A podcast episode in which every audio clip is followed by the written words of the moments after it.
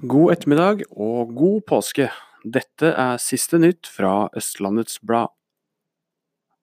Folk strømma til gårdskafeen på Breivoll skjærtorsdag. Allerede før åpning hadde kafeen solgt varer for 1000 kroner. Et hus brant i Hørn i dag. Brannen startet i det utvendige veggpanelet, men klarte ikke å få ordentlig tak på huset. Alle personene i huset kom ut uskadd. Brannårsaken er foreløpig ukjent.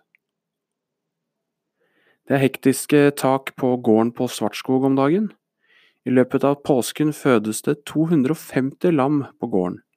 Det krever døgnkontinuerlig jobbing. Og en kvinne i 20-årene fra Skien fikk førerkortet sitt beslaglagt etter at hun kjørte bil med to personer oppå taket i Vestby i dag. Siste nytt fra Østlandets Blad fikk du av Eirik Løkkemoen Bjerklund.